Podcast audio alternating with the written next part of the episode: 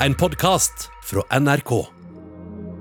Den kurdiske islamisten mulla Krekar har vært en uønska gjest i Norge i 17 år. Men så, i all hemmelighet torsdag 26. mars, ble han sendt brått ut av landet. Og to tidligere justisministre feira med kake. Det er fantastisk, og vi venta på det i så mange år. Og nå har det vært en tung tid for Norge. Og Da trengte vi et lyspunkt i hverdagen, og det er det virkelig at mulla Krekar er sendt ut. Hvorfor var han så viktig å kvitte seg med? Og hvordan greide til slutt norske myndigheter å få ham ut?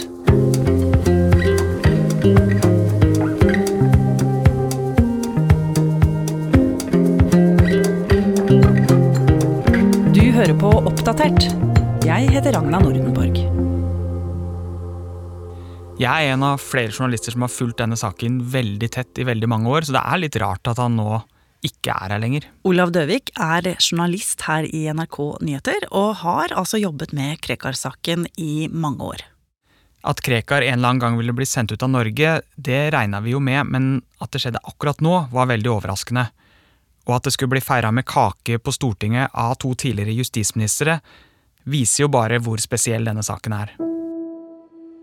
Hvem er mulla Krekar? Ja, Han heter jo egentlig ikke mulla Krekar, det er et alias han har tatt. Han heter jo egentlig Naimudin Farad Ahmad.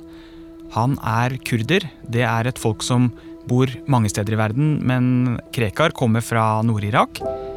Han kom til Norge en kald dag i november, den siste dagen i november i 1991, sammen med kona si og tre barn, som kvoteflyktning som var plukket ut av FN, og han fikk flyktningstatus og oppholdstillatelse her i Norge. Krekar lever et tilsynelatende helt vanlig liv i Norge, fram til 2002. Da skjer det noe som snur alt på hodet, og alle i Norge blir klar over hvem han egentlig er.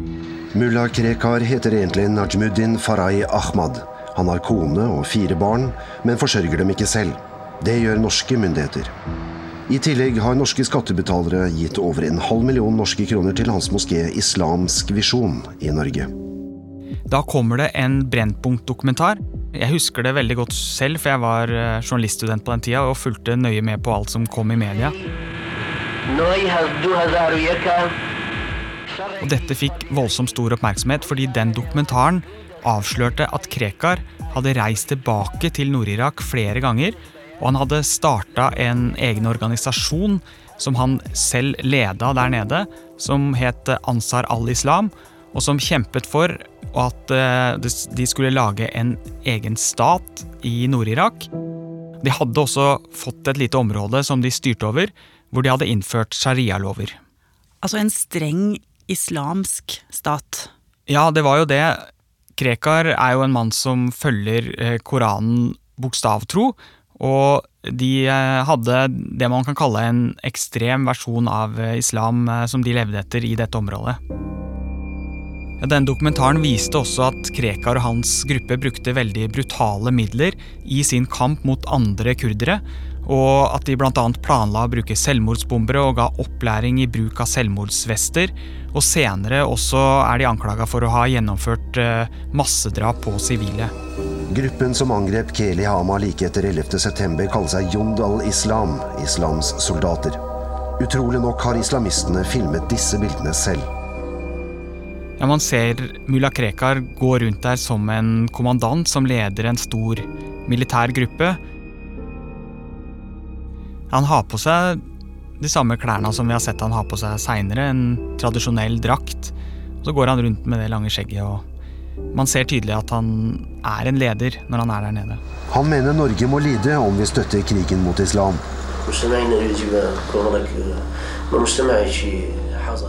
Det skaper jo voldsomt sterke reaksjoner. Det strider jo mot folks oppfatning av at en person trenger beskyttelse når han har reist tilbake til det stedet han flyktet fra flere ganger. Men akkurat det er Der er reglene litt uklare på akkurat det tidspunktet. Men norske myndigheter starter med en gang jobben med å finne ut hvordan kan vi få utvist denne personen fra Norge. For eh, norske myndigheter vil ikke ha han her. Så hva gjør de da? De fatter et vedtak om å utvise Krekar fra Norge fordi han er en fare for rikets sikkerhet. Hvordan er han en fare for rikets sikkerhet? En del av det vedtaket er fortsatt hemmelig, men Det er jo med bakgrunn i det som vi allerede har snakka om nå.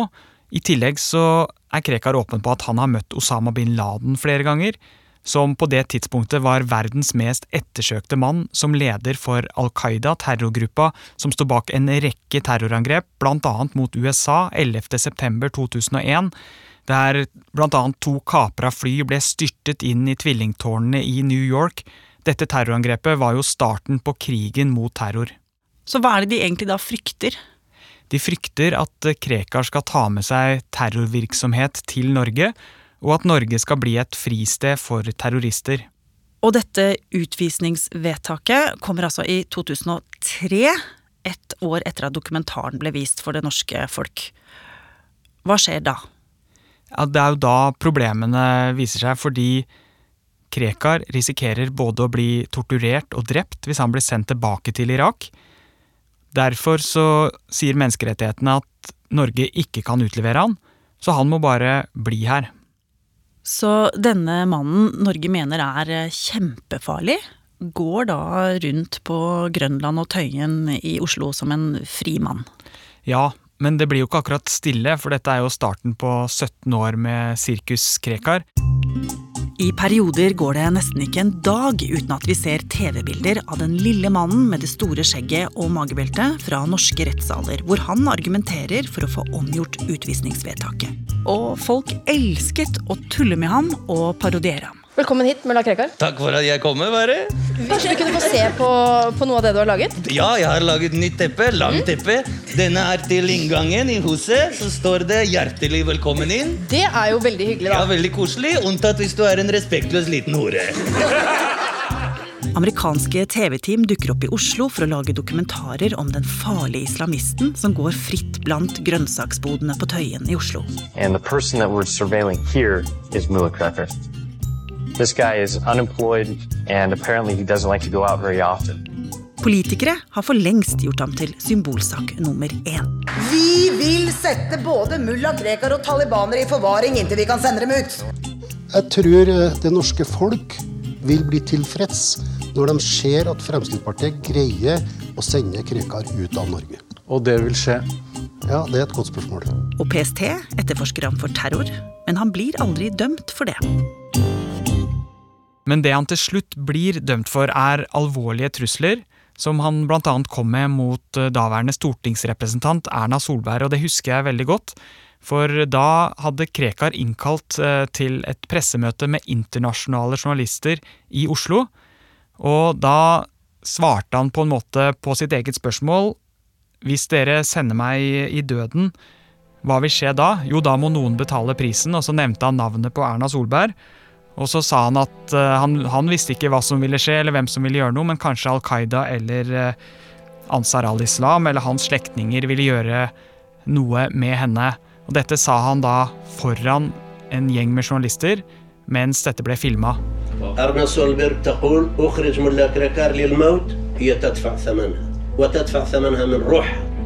i går ble mulla Krekar pågrepet av politiet utenfor hjemmet sitt i Oslo, før han ble satt i en politibil og kjørt bort. Og det var dette han måtte i fengsel for til slutt. Ja, han ble til slutt dømt til to år og ti måneders fengsel for disse truslene, og i tillegg til at han også ble dømt for trusler mot eh, noen kurdere som hadde tent på Koranen, og som han da hadde sagt at straffen for det er dødsstraff, og det sa han i noen sånne chatteforum på nett, hvor han holdt tale til sine støttespillere, fordi han var veldig opptatt av å opprettholde sin posisjon i det kurdiske miljøet, både i Irak, men også da rundt i Europa. Men Olav, han får jo da dom for at han har eh, trua. Men hvordan går det egentlig med utvisningsvedtaket? Å få sendt han til Irak? Nei, de kommer ingen vei med det. Selv om de prøver å forhandle med myndighetene i Irak eh, i mange år, så står den saken på samme sted. Så Krekar forsvinner fra Oslos gater og inn i fengsel i noen år.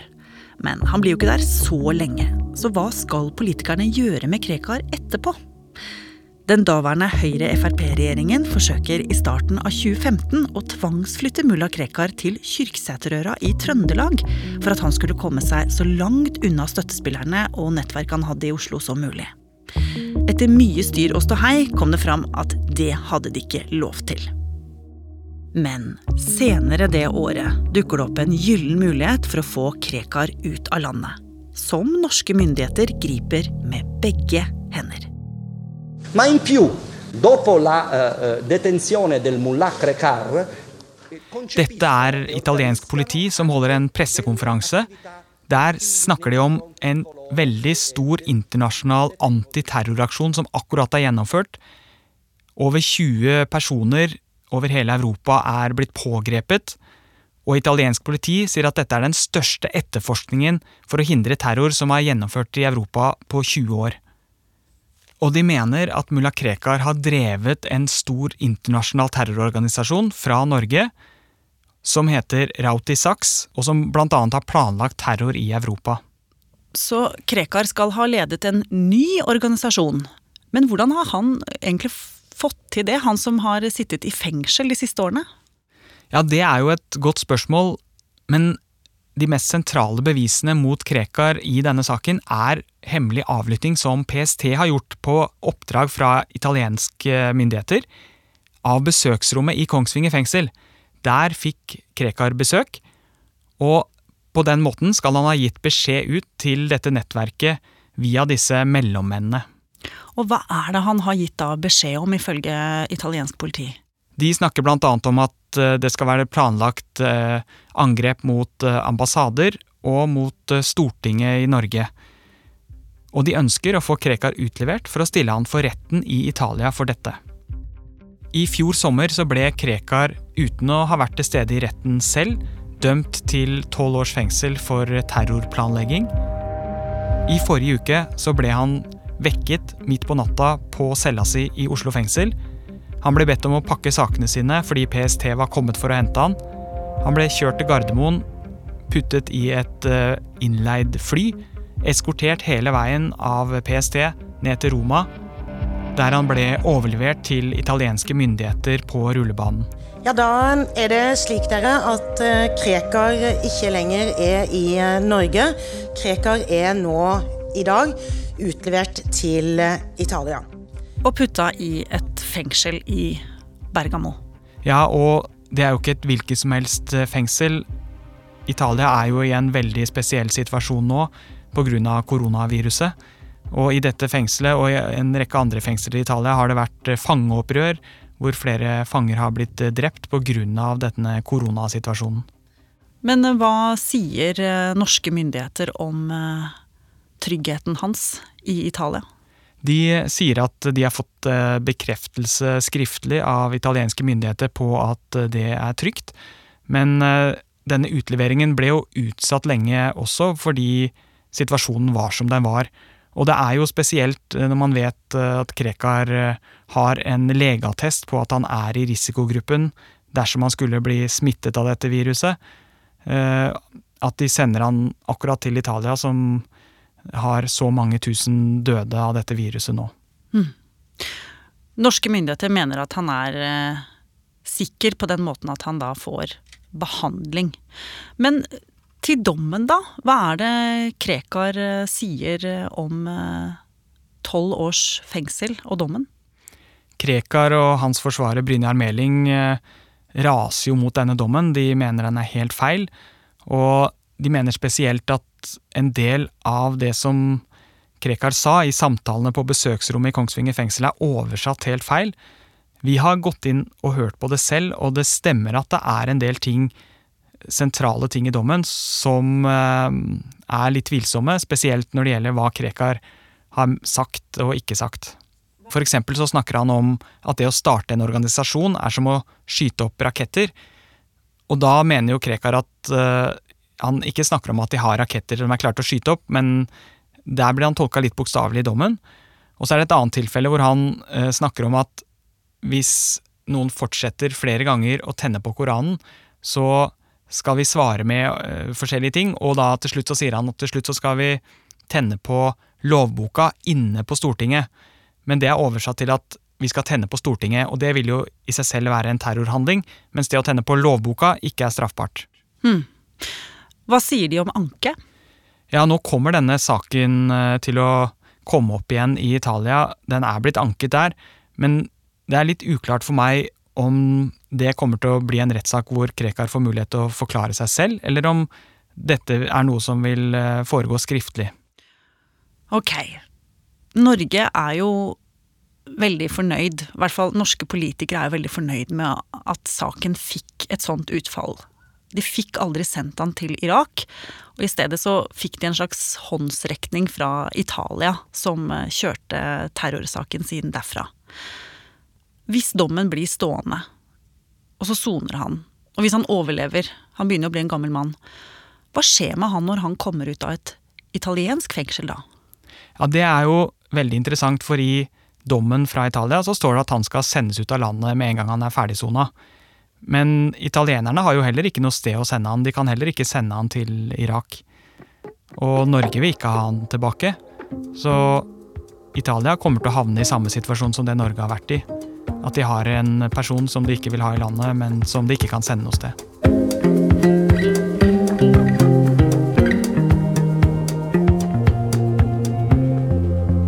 Oppdatert er en podkast fra NRK Nyheter. Og hvis du ikke vil gå glipp av neste episode, så kan du abonnere i appen NRK Radio, i podkastappen på iPhone, i Spotify eller på Acast. Bare for å nevne noen steder. Bare søk opp Oppdatert, så finner du oss. Denne episoden var laget av Katrine Nybø, Natasha Arthur, Petter Sommer og meg, Ragna Nordenborg.